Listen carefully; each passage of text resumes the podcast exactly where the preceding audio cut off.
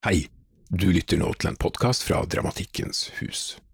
Så nå sitter jeg her sammen med dramatiker Brynjulf Jung Kjønn. Eh, og Brynjulf, du er forlagsredaktør, og du er forfatter. Og har skrevet flere bøker, vet jeg, både for barn og unge. Og så har du begynt å skrive dramatikk. Hva er det som har fått deg til å begynne å, å jobbe med den sjangeren? Ja, det er jo en ny ukjent eh, verden for meg. Eh, Jeg begynte å tenke på det da jeg fikk, eh, satt opp to av bøkene mine som teater. Først en ungdomsroman som heter 'Så vakker du er'. Og så en voksenroman som heter 'Alt er lys og alt er mørke'. Som ble satt opp på det som heter før Sogn og Fjordane Teater. Og det var veldig spesielt å se karakterer og univers og historier som du har skrevet og jobba med for deg sjøl, og så kommet ut i bokform. Og så lever de på en måte videre for seg sjøl, da. I på en måte I det livet eller det lyset som uh, leseren bestemmer. Og sånn, Det er jo det jeg er vant til som romanforfatter. Å uh, få litt tilbakemeldinger og, fra lesere direkte, og det er jo kjempefint. Men det var veldig spesielt å se de to bøkene dramatisert. Eh, og få på en måte en ny oppleving av det jeg hadde skrevet. Så det gjorde at jeg begynte å tenke litt eh, kanskje, kanskje skal jeg prøve på dette her òg. Fordi jeg, så jo at eh, mye av det jeg hadde skrevet var, altså det var, Nå var det Miriam Prestøyli som, som dramatiserte det. og Samtidig så så jeg jo at veldig mye av det jeg hadde skrevet, eh, fungerte på scenen. Eh, at det kunne overføres, da. Og, så det var litt sånn nysgjerrighet om jeg kunne mestre det å skrive for scene. Jeg kan veldig lite om det. Jeg visste ikke hvordan jeg skulle begynne, jeg visste ikke hvordan jeg skulle sette opp tekst engang. Skal jeg bare åpne en Word-dokument sånn som jeg pleier, og så begynne å skrive. Det var litt der, da. Eh, og så så jeg at eh, Dramatikkens hus hadde ei utlysning. Det var eh, eh, De skulle, et, skulle satse mer på dramatikk for barn. Og da tenkte jeg nå har jeg mulighet til å få få en en slags tilbakemelding på om, om jeg kan skrive for teater i det hele tatt, eller om, om det er noe jeg skal bare legge bort. så jeg eh, søkte, og så var jeg en av fem som fikk plass, og det egentlig ja, veldig mye av grunnen til at jeg har prøvd videre. For det var en veldig fin opplevelse. Og da skrev du eh, et stykke som het Det heter Gul gutt. Ja. Og um, um, har, var veldig sånn der en prosess hvor man fam, famler veldig Er dette egentlig dramatisk tekst, egentlig, eller er Forteller for mye, eller hva fungerer dette her? Og så her i Dramatikkens hus så får man jo tilbakemelding fra både eh, profesjonelle dramaturger og profesjonelle skuespillere. Eh, og andre som gikk på det satsingen sammen med, og andre som skriver. Sånn at det var veldig lærerikt. Så jeg, tror, jeg følte at jeg, lærte veldig mye i løpet av de to årene som, som det holdt på. da. Og det ga veldig mersmak og følelse av at dette her er noe jeg har lyst til å prøve enda mer. Og så kom eh, dette manuset, eh, eh, som heter 'Hente heim døde dyr', som vi har jobba med i tre dager nå. Mm, det er jo en eh, litt sånn eh, eh, dystopisk tekst, kanskje. Eh, jeg, kanskje det er litt sånn at vi har akkurat gjennomlevd en pandemi, eller Hvor kommer den det er kanskje ikke, hva- Hvor kommer den dystopiske retningen fra, tror du? Ja, kanskje ble jeg litt inspirert av at jeg har skrevet store deler av, øh, av teksten eh, da eh, pandemien brøt ut. Eh, jeg hadde åpningen ganske lenge, og var lenge i tvil om kanskje dette her var en roman. Det var vel kanskje en åp åpning på en roman, og så kom jeg på en måte ikke videre. Eh, og når jeg ikke kommer videre, så legger det ofte litt bort. Det er kanskje et par år siden. Og så har jeg tatt det fram litt av og til. Og så har jeg vært i prosess da med det andre med Gul gutt, hvor jeg har jobba litt videre. Og så tenkte jeg ja, kanskje, kanskje kan den åpningen òg brukes til dramatikk. Og da, da løsna et eller annet. Mm.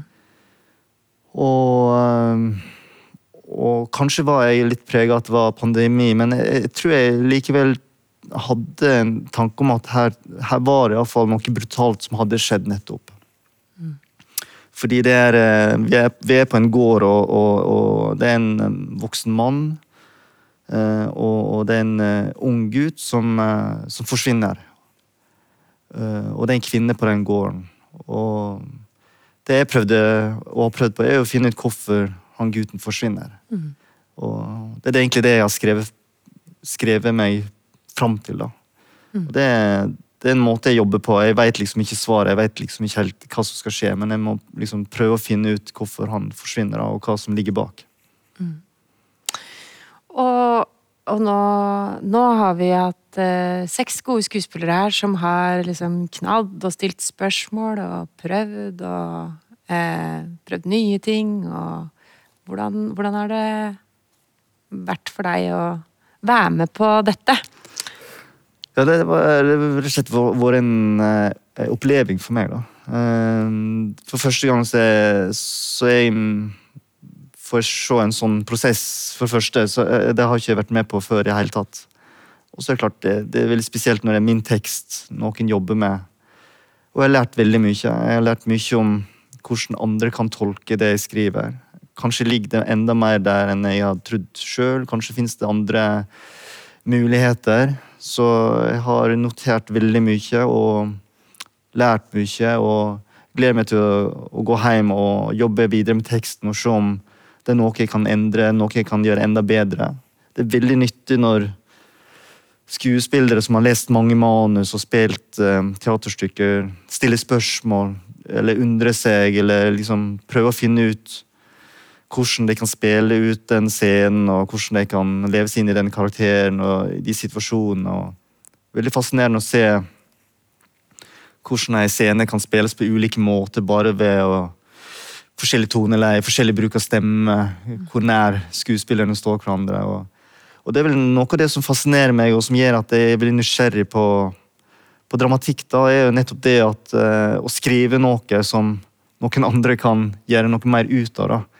Ehm, det er veldig tilfredsstillende å skrive en bok, og så har du en bok som på en måte kan leve videre òg.